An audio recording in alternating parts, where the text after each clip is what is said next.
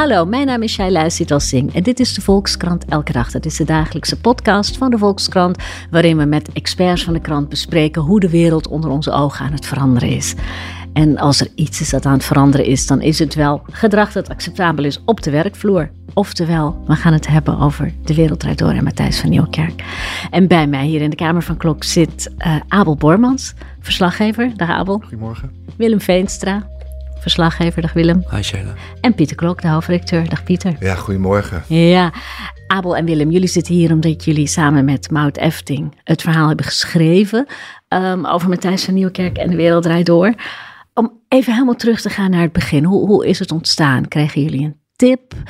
Liepen jullie er al een hele tijd mee rond? Dachten jullie, nu moest het dus even goed uitgezocht worden? Hoe, hoe, hoe is het begonnen? Nou, die verhalen die waren er al natuurlijk hè, over, ja. uh, over de, laten we zeggen, de harde werksfeer bij de Wereldrijd Door. En um, naar aanleiding van die uitzending van Boos, die door Binevara werd uitgezonden, uh, waren er best wel wat uh, werknemers van Binevara die, die toch een gevoel hadden van dat is, dat is misschien ook een beetje hypocriet dat, dat wij nu anderen de maat nemen hierover maar zelf uh, jarenlang eigenlijk dit hebben toegestaan. Bij Boos ging het om seksueel grensoverschrijdend gedrag ja, maar, op de werkvloer. Zeker, ja. maar ging het ook natuurlijk over waar kun je terecht? Hè? Ja. En hoe, hoe beschermt een organisatie uh, je tegen uh, gewoon grensoverschrijdend gedrag of seksueel grensoverschrijdend? Maakt eigenlijk niet zo heel veel uit. De organisatie is er ook om, om de mensen te beschermen. toen wij het idee kregen van dit is meer dan alleen incidenten en het is iets waar de organisatie van geweten heeft. want dat idee kregen we al vrij snel toen dachten we, dan, dan gaat het hier om een systeem. En dan gaat het hier om meer dan alleen uh, grensoverschrijdend gedrag op een werkvloer. En dan vinden we dat relevant. Dus ja. dan moeten we daar echt in gaan duiken. En we wisten, we wisten van tevoren dat als je hierin gaat duiken, omdat het, het voor heel veel mensen best wel gevoelig is en uh, dat mensen daar, daar veel last van hebben, dat het ook journalistiek een, een flinke tijdsinvestering zou zijn. Want dat zijn geen korte gesprekken vaak. En het is voor de mensen je, je dat toevertrouwen, nou ja, uh, uh, ik, bedoel, ik zou dat ook niet zomaar aan een wildvreemde vertellen. Uh, dus dat, dat kost tijd. Um, maar toen we het idee hadden, dit gaat om een systeem, dachten we, dan willen we die tijd daar wel aan gaan besteden. Ja, want hoe lang zijn jullie er in totaal mee bezig geweest, Abel? Nou, we begonnen de eerste gesprekken te voeren in juni. Maar het was in het begin niet gelijk dat we al onze tijd daarmee bezig waren. We hebben ook toen nog andere stukken gemaakt, maar inderdaad uh, vijf maanden geleden hebben de eerste stappen gezet. En jullie hebben in totaal iets van 70 mensen gesproken, of 70? Ruim uh, 70. Ja, en, en, en hoe vind je die dan? Je begint ergens aan een touwtje te trekken en komen ze dan op een gegeven moment vanzelf naar je toe? Of moet je heel erg moeite doen om mensen over te halen? Hoe werkt dat? Nee, dat, dat viel eigenlijk wel mee. Want je hebt natuurlijk gewoon LinkedIn, uh, de wereld draait door. Uh, daar hebben in de in daar 15 jaar daar honderden mensen gewerkt. Dus daarmee begin je wel een beetje aan de touwtje te trekken. En dan kom je via via bij veel meer mensen en meer verhalen eigenlijk. Dat, dat, dat, dat was niet een heel uh, groot probleem. En is het, het, dat soort gesprekken lijkt me heel moeilijk te voeren. Het wordt ook bijna een therapeutische sessie. Hè? Als mensen moeten gaan vertellen wat ze allemaal hebben doorgemaakt.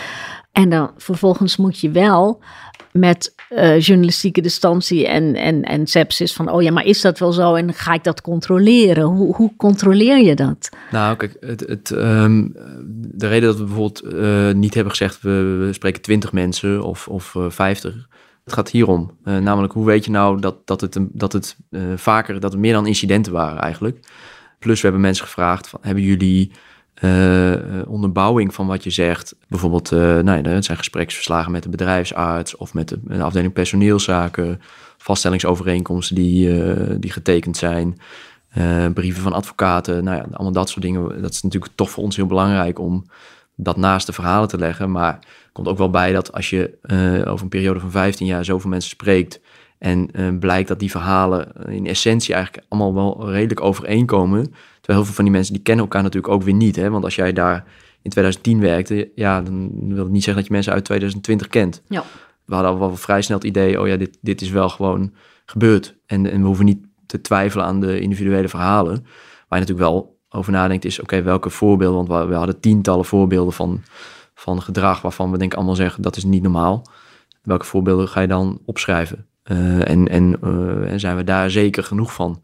dat dat precies zo is gebeurd zoals dat ons verteld is. Dus dan kom je automatisch bij voorbeelden uit uh, die meerdere mensen hebben meegemaakt. En, en minder bij voorbeelden waarvan iemand vertelt, nou ja, ik was toen daar met deze twee personen en toen is me dit overkomen. Want ja, dat is heel moeilijk te checken Ja, of dat heb je precies geen klopt. getuigen. Ja. Ja. En, en hoe sluit je uit of er bijvoorbeeld sprake is van rancune? Ehm, het is toch, toch ook heel vaak, zeg maar, klokkenluiders hebben daar vaak mee te maken. Die zijn dan onder misschien vervelende omstandigheden ergens weggegaan en niemand gelooft ze, want iedereen denkt, ja, die is rancuneus. Hoe, hoe, hoe sluit je dat uit als je met dit soort mensen praat? Nou die, die, eh, die, die grotere scènes die we hebben uitgelicht in het verhaal, die hebben we gecheckt bij verschillende bronnen. En dan vaak natuurlijk niet twee of drie, maar ehm, richting vijf of, of tien. Tegelijkertijd merk je ook heel erg aan al die gesprekken dat mensen zijn helemaal niet rancuneus. In ongeveer alle gesprekken die we gevoerd hebben, kwam aan bod dat die, dat, dat die redacteuren eh, of, of andere oud-medewerkers echt wel begrip hadden voor die positie waarin eh, Matthijs van Nieuwkerk eh, verkeerde. Dat inderdaad zijn gezicht op tv kwam, dat hij het boegbeeld was van een programma waar meer dan een miljoen mensen naar keken. Dus ik merkte dat, dat, dat oud-redacteuren juist heel vaak ook eh, vergoelijkende omstandigheden aandroegen. Ja, zelfs achteraf nog? Dat Ja, ja, van, ja zeker. En, dat, eh, en, hij kon er ook niet zoveel aan doen. En pijnlijker nog, zelfs dat eh, bij heel veel oud-medewerkers ook nog wel het gevoel leeft dat ze, dat ze soms bepaalde schuld nog steeds bij zichzelf zoeken. Dus het, het argument dat toen tijd vaak eh, gebruikt werd. hè? Dus je hebt competente eh, werknemers en minder competente. Nou, veel van die mensen die, die hebben daar in, in, in mindere of meerdere mate nog steeds last van. En dat merkte je ook in die gesprekken die gevoerd werden. Dus Ik vond het ook heel opvallend dat, dat, eh, dat, dat mensen inderdaad... Dat komt ook denk ik deels omdat het echt zo naar hun toe eh, werd verkocht. Van hij, hij is degene die op tv is. Hij is degene die, als wij een fout maken, is hij degene die de pijn leidt eigenlijk. Nou, dat is, natuurlijk, dat is natuurlijk ook zo. En zij zaten dan eh, eh, in een, ruimte in de studio met het bord op schoot die uitzending te kijken. Ja, het product van de dag eigenlijk. Hè, wat, waar, waar je toe gekomen bent na een dag werken met z'n allen. Mhm. En, en eh, ja, wisten gewoon hoe hij ermee zat op het moment dat het niet goed was. Dus die, die, wat Abel zegt, dat, dat klopt helemaal. Mensen, mensen kwamen daar gewoon zelf mee. Dat dat, eh, ja, dat dat voor hem een ongelooflijk grote druk geweest moet zijn... die heel zwaar op zijn eh, schouders eh, heeft gewogen. Niettemin kreeg, werden ze dan dusdanig uitgescholden dat ze dan toch wel dachten, is dit normaal? Nou ja, dat, dat zeker. Heel veel mensen dachten, dachten toen ze daar werkten, dit is normaal. Want het gebeurde gewoon geregeld met, met heel veel mensen. Dus dan ga je op een gegeven moment denken, dit is normaal. Ook omdat natuurlijk de omroep eh, niet ingreep. En, Ja. Terwijl ze er wel van wisten. Maar achteraf denk ik dat heel veel mensen eh, g- gedacht hebben, ja, was dat eigenlijk wel zo normaal? En eh, zelfs mensen die, eh, wat ik zelf heel bijzonder vind, is dat, en we hebben natuurlijk ook mensen gesproken die ook tegen ons zeiden van, nou ja, het, dit hoorde er gewoon bij eigenlijk. Hè? Dit, dit was gewoon ook, daarom was het programma zo goed. Doordat, doordat het een soort selectiemechanisme was, waardoor mensen die, die dit niet aankonden eigenlijk verdwenen, konden we, ja, was het zo'n goed programma. En van die mensen hebben we bijvoorbeeld een aantal berichten gekregen na, na het verhaal, waarin ze zeiden van, ehm, ja, ik heb het nu gelezen en ik heb het nu allemaal op een rij gezien en ik denk er nu eigenlijk anders over. Ik zie nu eigenlijk dat, dat, dat, ik, dat ik meewerkte aan een systeem dat, dat, niet, dat niet normaal is en wat ik eigenlijk helemaal niet goedkeur. En ik vraag me af wat mijn eigen rol erin is geweest en hoe dat kan. Dus ik wil daar gewoon over gaan nadenken. Bij, Die zijn van mezelf. inzicht veranderd, wauw. Hey, en Pieter, als, als hoofdredactie, eh, je, je hebt schaarse middelen en je zet eh, drie mensen op een verhaal zo lang. Waarom doe je dat? Nou, eh, in het begin hebben we wel even geaarzeld. eh, want er zijn natuurlijk heel veel gevallen van grensoverschrijdend gedrag. Dus je moet, en, en je krijgt ook best veel tips. Dus je moet elke keer goed nadenken van, van is dit verhaal dusdanig relevant... dat je hier inderdaad maanden werk aan gaat besteden. Je weet, het zi- het zijn de verhalen die het meeste tijd kosten. We hebben het al eerder gehad met Willem, ook over Ruud Wijsman bij de theaterschool. was volgens mij een van de eerste verhalen op dit gebied. Eh, kostte enorm veel tijd en het is heel gecompliceerd eh, om het te doen. Eh, de belangen zijn enorm. Hè. Je moet ook altijd, ja, het is ook een vorm van trial by media. Ook al proberen we dat door genuanceerde aanpak zoveel mogelijk te voorkomen. Maar het speelt altijd een rol. Zo'n verhaal kan heel scherp geïnterpreteerd worden, waardoor het heel erg naar één iemand wordt geweest. Waardoor het ook heel potentieel heel schadelijk is voor alle betrokkenen. Dus het is heel zwaar intensief werk. Dus je moet goed nadenken, is deze zaak het waard? En de eerste af, eh, eerst hebben we gekeken van, nou, is het, eh, willen mensen erover spreken? Kun je vrij snel veel bronnen vinden? Nou, dat bleek het geval. Uh, het was eigenlijk een kwestie van, nou ja, al vrij snel waren er zoveel bronnen die dit allemaal bevestigden. Dus dat, want normaal gesproken kost dat ook nog heel veel tijd, hè? Om mensen aan het praten te krijgen, voldoende bronnen te vinden. Nou, dat leek hier vrij snel, was duidelijk. Nee, er willen heel veel mensen praten. Dat en, en twee, uh, dacht ik, ja, dit is publieke omroep. Dit is belastinggeld. Uh, dit is een organisatie die een voorbeeldfunctie zou moeten hebben. Uh, dus we gaan ook vooral die publieke omroep richten. Van hoe kan het dat dit is gebeurd onder de hoede van BNN-Vara? Ja, wat toch een organisatie is die maatschappelijk verantwoordelijk ja. is. Een, is een is een bedrijf dat is voortgekomen uit de arbeidersbeweging, net als wij zelf. Uh, zou je toch zeggen, die, die staat pal voor de bescherming van arbeiders in zijn eigen organisatie. Heeft een voorbeeldfunctie, is heel erg van de maatschappelijke verantwoordelijkheid nemen. Dus nou, er waren een aantal elementen dat je dacht van ja, maar dit, nee, dit is een heel relevant verhaal. En, en dat is volgens mij inmiddels ook gebleken. Dit ontstijgt uh, uh, het handelen van Van Nieuwkerk in mijn ogen. Dit laat veel meer zien. En, en we zijn er nog helemaal niet. We staan pas aan het begin, ook wat mij betreft. Hè, het duiden van wat hier is gebeurd. Ik denk dat er nog heel veel vragen moeten worden beantwoord door de publieke omroep. Door BNN-Vara, door de hoofdrolspelers. Dus het is een veel groter verhaal dan Matthijs van Nieuwkerk. Ja, dat, dat is ook de insteek. Hè? Dat, dat, dat, dat heb je ook altijd gezegd in de aanloop naar publicatie van dit verhaal. Het gaat mij echt om, het, om de structuren en om, om, om wie er vooral hoog in de boom zitten. Dat hebben we ook heel bewust gedaan. Hè? De kop op de voorpagina was burn-out fabriek. Het nieuws is begonnen met de burn-outs. Ja. En niet met Matthijs van Nieuwkerk. Hij heeft zich schandelijk misdragen. Dus wij hebben heel erg gekozen. Dus de burn-outs de, een organisatie die daar niet op reageert. Want dat is toch eigenlijk, uh, ja, het is ook heel simpel. Uh, je wordt geconfronteerd met heel veel burn-outs op een bepaalde werkvloer en je doet niks. Ja, want jullie hebben gesproken met bijvoorbeeld met de bedrijfsarts. Hè? Die wilde niet praten. Ja. Um, die hebben we wel benaderd, ja. uh, de Abo-Unie. En wie, wie, was dat dan? Die hm, Mirjam de Klerk met, wel met, ja. met een EHBO-kit onder de ja, arm. Dat, is, dat, is de, dat was de, de HR-adviseur. Ja, en zij, zij bevestigde dat ze er de hele tijd heen moest om mensen op te lappen, maar zij heeft ook niet aan een bel getrokken intern om te Jawel, zeggen, dit is niet normaal. Gedaan. Maar kijk, het, dit, dit, is heel interessant, hè? want dit is iemand die zat in het systeem eigenlijk. En die, die werkt voor de omroep en die, uh, De Wereld Door was één van de programma's onder haar hoede. Ik vond de gesprekken met haar heel interessant. Ik heb het ook geprobeerd zo op te schrijven, omdat zij eigenlijk ook een beetje met dezelfde vragen uh, zat als wij. Zij heeft nu wat meer afstand kunnen nemen en kijkt terug en denkt, goh, wat is daar eigenlijk gebeurd en wat was mijn rol daarin? Dat is ook een ontwikkeling geweest in de gesprekken die we met haar hebben gehad. Uh, dat, zij, dat zij daar verder over is gaan reflecteren. Wat zij hebben eigenlijk hebben gedaan bij, de, bij die afdeling personeelszaken, is zij hebben gezien, dit is een, een, een, situatie, een programma. Uh, het stoppen van dit programma, dat zal niet gebeuren. Het is te succesvol. we hebben, ze hebben wel bij de directie aan de bel getrokken. Ze hebben ook laten weten, dit kan zo niet. we maken ons zorgen over de, de veiligheid van, van, van die, die mensen daar eigenlijk. En um, uh, daar kregen ze onvoldoende op terug. Dus, dus de directie die, die, eh, die, er kwam wat extra personeel. En uh, er werd gezegd, nou, misschien kunnen jullie iets meer zicht houden daar. Wat vaker daar zijn als, als afdeling personeelszaken. Dat heeft ze ook gedaan. Maar het was duidelijk van de directie, ze het niet moeten hebben. Ja. Dus wat zij eigenlijk hebben gedaan, is, zelf, is, is zelf um, ja, de, de, individuele gevallen zoveel mogelijk proberen te helpen, denk ik.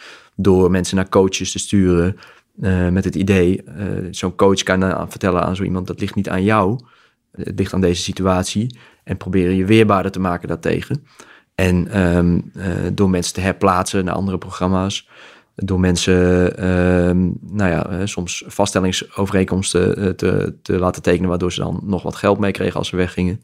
Dus eigenlijk een systeem ontwikkeld om met het gegeven, dit programma bestaat en de omstandigheden die kunnen wij niet veranderen, want die hangen heel erg aan de leiding, mm -hmm. Matthijs van Nieuwkerk en enkele eindredacteuren. Ja, binnen die omstandigheden proberen wij dan maar ja, sleutelen, het zo op te lossen. Sleutelen aan ja. de poppetjes en niet aan het systeem. Maar Pieter, dit was dan wel uh, de nobele intentie, hè? Van we gaan ja. het systeem aanpakken en we willen echt die keten van verantwoordelijkheid blootleggen. Het gevolg is nu uh, wel dat Matthijs van Nieuwkerk, zeg maar, dat alle hoon en haat zich op hem richt. Dat hij nu ook voorlopig geen programma's meer maakt ja. voor tv. Eigenlijk even helemaal, um, ja, is, is gesteld eigenlijk. Ja. Um, had je dat voorzien? Nee. Nee, ik had eigenlijk veel meer eh, reacties verwacht in de trend van uh, if you can't stand the heat, stay out of the kitchen. Mhm. En het was ook wel interessant om te zien. Aanvankelijk waren er ook nog een aantal mensen die dat uiten op Twitter. Hè? Peter van der Meers, oud-hoofdredacteur van het NRC. Ja, Wim Pijbers, Wim Pijbers heeft zich volgens mij ook niet onbetuigd gelaten. Dus er waren een paar mensen die zaten al klaar uh, om, om, om hem te gaan verdedigen. Van ja, maar hallo, dit was gewoon Champions League, kan gebeuren. En die hebben eigenlijk allemaal een dag later zich schielijk weer teruggetrokken met staart tussen de benen, omdat ze de plank eigenlijk helemaal mis hadden geslagen. Maar wij hadden eigenlijk eh, veel meer van dat soort reacties verwacht. Uh, uh, en die zijn uitgebleven. En dat komt denk ik omdat het toch een heel overtuigend verhaal was. Maar kijk, wat, wat goed is denk ik om te realiseren. En er was denk ik wel een oprechte wens om mensen te beschermen. Zeker bij die Mirjam de Klerk. Uh, alleen de, wat er tegenover stond was een uh, uh, nog diepere wens om Matthijs van Nieuwkerk voor de publieke omroep te behouden. Nou, die was eigenlijk zo belangrijk voor het succes van BNN-Vara en voor het succes van Frans Klein, de directeur. Die was alleen maar bang dat hij naar RTL zou overstappen. Dat zag je later ook in die salarisdiscussie. Toen moest hij ook terug van vijf ton naar de balken en de norm. Toen waren ze altijd, de directie was vooral bang dat hij wegging. Dus die zaten in een heel andere game. Een ja. heel ander spel zou je kunnen zeggen. En dat was dus de grote tegenkracht. Hè? Want Matthijs van Nieuwkerk, elk, die moest alleen maar meer programma's maken. He, weet je nog? Ja, nou, die moesten, hij aanraakte veranderen namelijk Ja, dus we moesten, ja. Robert Dijkgraaf moest colleges gaan geven. Het moest alleen maar groter, groter, groter. Want van alles wat hij deed was geweldig. Pop 2000 quiz, nog meer, nog meer, meer, meer. En, en nou ja, de directie was vooral daarop op gericht. Dan kan je dat er niet bij hebben dat mensen zeggen dat hij af en toe uitflipt en, en zijn personeel heel slecht behandelt. Ja, jongens, kom op, ik, ik probeer hem hier te behouden. Uh, dus dat was een hele sterke tegenkracht. En daar gaat het nu nog niet echt over. Maar, maar dat is denk ik wel een belangrijke vraag. Kijk, kijk, kijk sowieso, hè, Vara BN, BNNV heeft heel erg de neiging om bepaalde personen worden op een voetstuk gezet. Of het nou Paul de Leeuw is of Matthijs ja. van Nieuwkerk, maar ook in minder mate Jeroen Pauw en anderen. En, en die personen krijgen bijna alles gedaan bij de publieke omroep. Hè. Elk programma, voorstel wat ze doen, mogen ze gaan maken. Of dat nou... dus het is ook een soort zich... personencultus bij de publieke omroep die hier aan het werk zit. Ja, maar, maar, maar, Jeroen Pauw gedraagt zich anders. Die gedraagt zich ja. heel goed. Maar het laat wel zien dat ze dus heel erg gericht zijn om sommige personen groot te houden. Ja. En zo... ik, ik, vind het nog wel interessant wat je zegt. Want je zegt, hè, uh, um, uh, Matthijs van Nieuwkerk is nu weg eigenlijk. En yeah. die maakt geen programma's meer. En de aandacht richt zich op hem. Ik vraag me af uh, of dat in dezelfde mate zo was geweest... als hij ervoor had gekozen om uh, gewoon het gesprek aan te gaan. Ja, en dat vind ik nog wel interessant hoe dat met die wederhoor is gegaan. Hè? Hoe, in hoeverre heeft hij meegewerkt aan het verhaal, met jullie ook? En in hoeverre heeft hij voldoende berouw getoond ook hè? In, in de ogen van, uh, van het publiek en van jullie. Want hoe ging dat toen jullie hem gingen vragen? Jullie hebben hem denk ik in een redelijk vroeg, uh, op een redelijk vroeg moment op de hoogte gesteld van nou we werken aan dit verhaal. En, en hoe ging dat toen? Nou dat was eigenlijk een, uh, meer dan een maand geleden al, dus uh, 17 oktober uit mijn hoofd. Toen hebben we hem voor het eerst gebeld, bericht met het verzoek om een gesprek. Daar stond hij niet voor open, zei al gelijk. toen werd ons verzocht via zijn management, Julia Wolf, om onze vragen schriftelijk op te stellen. Dat hebben we gedaan en ook vrij uitgebreid en uh, een week de kans gegeven om die vraag te beantwoorden. Daar kwam toen ook geen reactie op, behalve dat ehm, ze zeiden dat ze het hele stuk wilden inzien, het definitieve stuk. En dat ze daar dan op, op wilden reageren.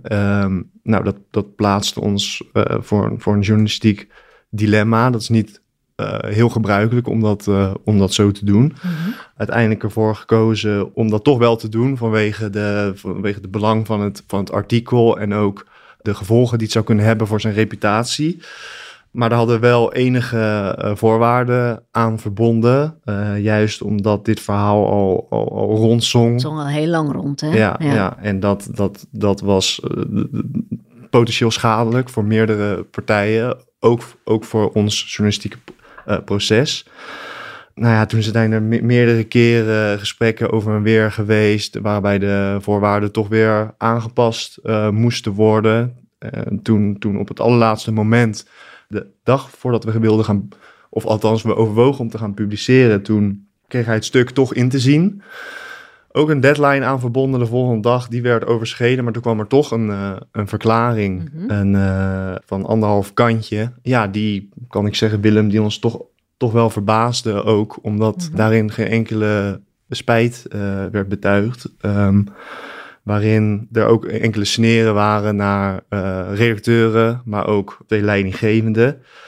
Toen kwam er eh, uiteindelijk eh, vijf kwartier later nog een tweede eh, verklaring. eh, waarschijnlijk onder, of waarschijnlijk onder druk van, eh van BNNVARA, ja, die die dat is inmiddels wel duidelijk geworden. Dat, dat PNN-VARA die eerste verklaring totaal Mhm. ontoereikend vond. Ja, Waarom volgens mij dit een interessante vraag is, is hè, wij, wij zitten, wij proberen, en dat hebben we ook bij dit verhaal, ik, ik heb eerder heel veel over dit soort onderwerpen geschreven.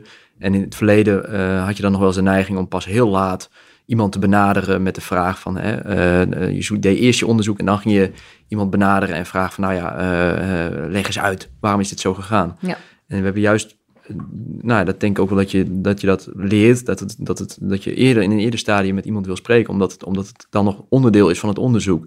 Want iemand kan wel bijvoorbeeld misschien heel interessante dingen zeggen, waardoor eh, de dingen die je denkt te weten in een andere context eh, eh, worden geplaatst. ja, en dat je iemand ook niet voor een voldongen feit stelt. Hè? Precies. Van, En, dit, van dit da- hebben we gevonden, wat, Nee, wat precies. zeg je erop? Ja. van- dat hebben we dus ook met, met Van Nieuwkerk gedaan. We hebben een maand voor, voor de uiteindelijke publicatie benaderd. En gewoon alle vormen van inhoudelijk contact zijn door hun telkens van de hand gewezen. Daardoor komt het aan op zo'n laatste dag, waarbij er, nou ja, hè, zoals Abel net eh, uitlegt, van alles nog wat gebeurt tussen BNN-Vara en ehm Thijs van Nieuwkerk. Ja, en ik vind het wel eigenlijk best wel onbegrijpelijk voor iemand die toch journalist is, want dat is hij, dat dat, dat zo is gegaan. Ik Ja, snap hij dat- weet als geen ander natuurlijk hoe publiciteit ik snap werkt. gewoon ja. nog steeds niet dat hij niet eh, hierover eh, in gesprek wilde. Want ja, volgens mij is dat, had dat op een rustige manier besproken kunnen worden. En was dat voor iedereen constructiever geweest. Dat is ook de beste manier om invloed uit te oefenen op een verhaal. Hè? Ja, want je, je ziet bij, eh bij Djukowinia, die is eh, ongeveer de gelijk- eh, tegelijkertijd eh, benaderd. Mhm. En eh, nou ja, daar hebben we ges- schriftelijk eh, correspondentie mee gehad. En daarin zie je dat zij, ja, we, we hebben een heel interview met haar eh, gepubliceerd. Ze komt ook in het artikel eh, ruimschoots naar voren. Dus dan, dan, dan heeft iemand echt de gelegenheid om, om, om een eigen verhaal te vertellen. Ja. eh, wat ook duidelijk invloed heeft gehad op, de, op, de, op, op de, het hele verhaal, de reconstructie. En eh, daarnaast inderdaad nog, de, nog helemaal eigen verhaal heeft kunnen vertellen. Ja, Dus- ja, want zij komt er eigenlijk ook slecht vanaf. Hè? De- jullie hebben ook een citaat van iemand die zegt... ja, eigenlijk was Joeke erger dan Matthijs. Maar zij in dat interview legt zij uit hoe dat mechanisme volgens haar heeft gewerkt... en, en waar zij zich wel en niet schuldig aan heeft gemaakt. En ze toont ook introspectie, hè? En dat was toch ook in die tweede verklaring van Matthijs. Ik vond het een wonderlijke Ja, verklaring. nou ja, de beste manier om, om, om met dit soort zaken in het reinen te komen is wel gewoon erover praten, denk ik. Ja. Eh, want want an- nu wordt het een soort gevecht tussen alle betrokkenen. En eh, ja, dat, dat, dat is uiteindelijk voor niemand goed. En dan krijg je inderdaad drama's van dat, dat hij eh, stopt bij BNN-Vara. En Ja, we weten niet waar dit gaat eindigen. Dus dat is inderdaad jammer. Ja, hey, en Pieter, als je nu kijkt naar de rol eh, die de krant heeft gespeeld, vind je dat we dit goed hebben gedaan? Heeft de krant dit Ja, goed het niet een aangepakt? geheel objectief iemand. Ja, nou ja, nee, ik ben wel heel trots. Ja, ik ben nog, eh, ja, dat durf ik wel eerlijk te zeggen. Ik ben niet eerder zo trots geweest op een journalistieke productie. Omdat die, Ja. had ik ook verteld als jullie er niet bij waren. Nee, omdat die zo volledig was, genuanceerd, precies beschreven, rustige toon. Ze hebben iedereen gesproken. Ja, ik vond het gewoon een hele goede journalistiek. Ja. Als je een goede journalistiek bedrijft, wordt het goed ontvangen, volgens mij.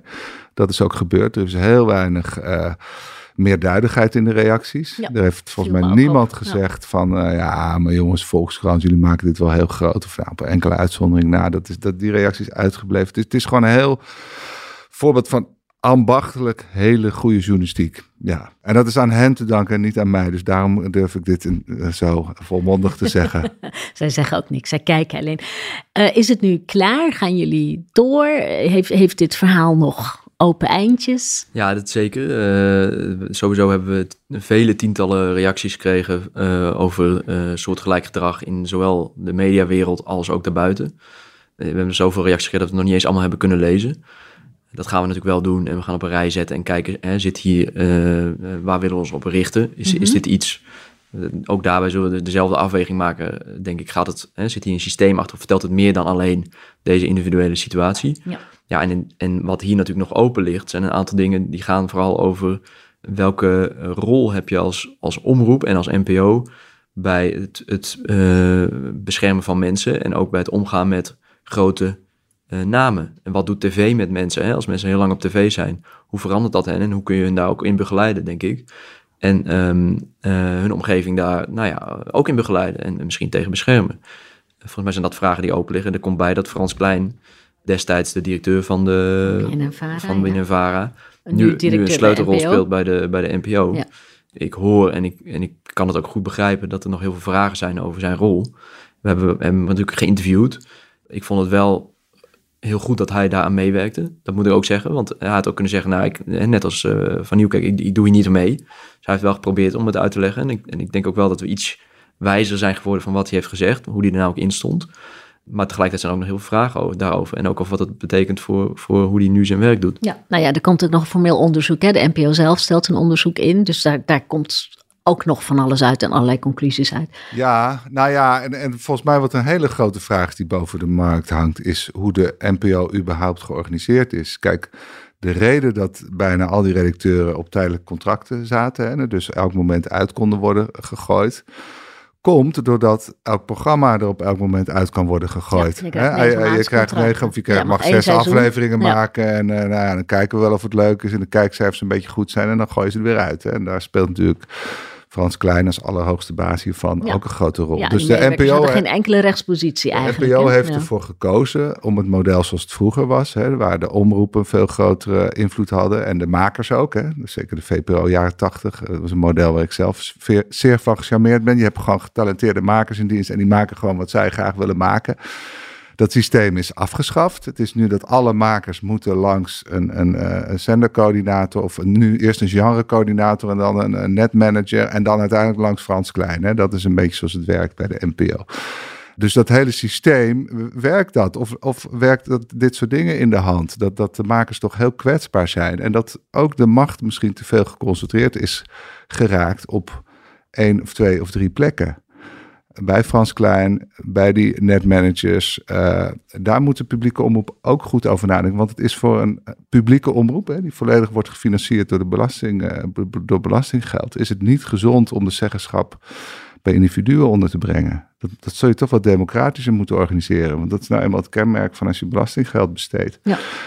Ja, daar moet Frederik Leeflang, de, direct- de nieuwe directeur van de NPO, echt heel goed en lang over nadenken. Ja, als het dat zal ligt. niet als onderzoeksvraag in dit onderzoek zitten, maar het ligt er misschien Nou wel. ja, het komt er wel. Dit, onder. dit soort onderliggende patronen komen wel bloot te, eh, eh, te liggen door deze onthullingen, denk ik. En die obsessie met presentatoren. En met kijkcijfers. Dank jullie wel, jongens. Hartelijk dank, alle drie. Graag gedaan. Graag gedaan. U luisteraar, bedankt voor het luisteren weer. Dit was de Volkskrant Elke Dag. Morgen is er een nieuwe met Jenne-Jan Holtland en Bert Wagendorp over het WK in Qatar. Tot dan.